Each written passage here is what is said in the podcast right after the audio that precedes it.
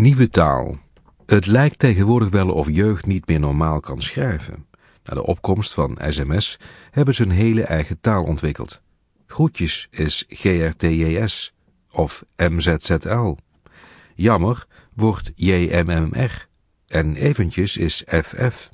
Verder is het enorm in om veel puntje, puntje, puntje en uitroepteken, uitroepteken, uitroepteken te gebruiken.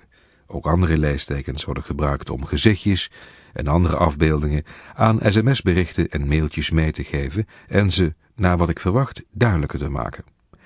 Zelf maak ik van deze nieuwe schrijfwijze geen gebruik. Ik ben namelijk blind en voor mij, maar vooral met computeraanpassingen, is dat niet te doen. SMS is voor mij helemaal taboe, want mijn mobieltje leest de geschreven en ontvangen berichtjes nog niet voor. Op mijn computer doet hij dat wel, maar het is allesbehalve prettig om een mailtje voorgelezen te krijgen door een computerstem die dan zegt, hey, punt, punt, punt, hoest, en heb je f voor me, vraagteken, vraagteken, vraagteken, uitroepteken. Een vriend van me werd afgelopen week ook geconfronteerd met een nieuwe taal. Tijdens een tienerdisco maakte hij digitale foto's die even later op een groot beeldscherm te zien waren. Ook dat blijkt enorm in te zijn bij kids. Enigszins bezorgd zei hij, wat ik verkeerd doe weet ik niet, maar volgens wat meiden zijn mijn foto's vet.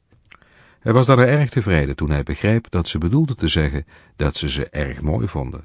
Tja, je moet het even weten, was zijn reactie.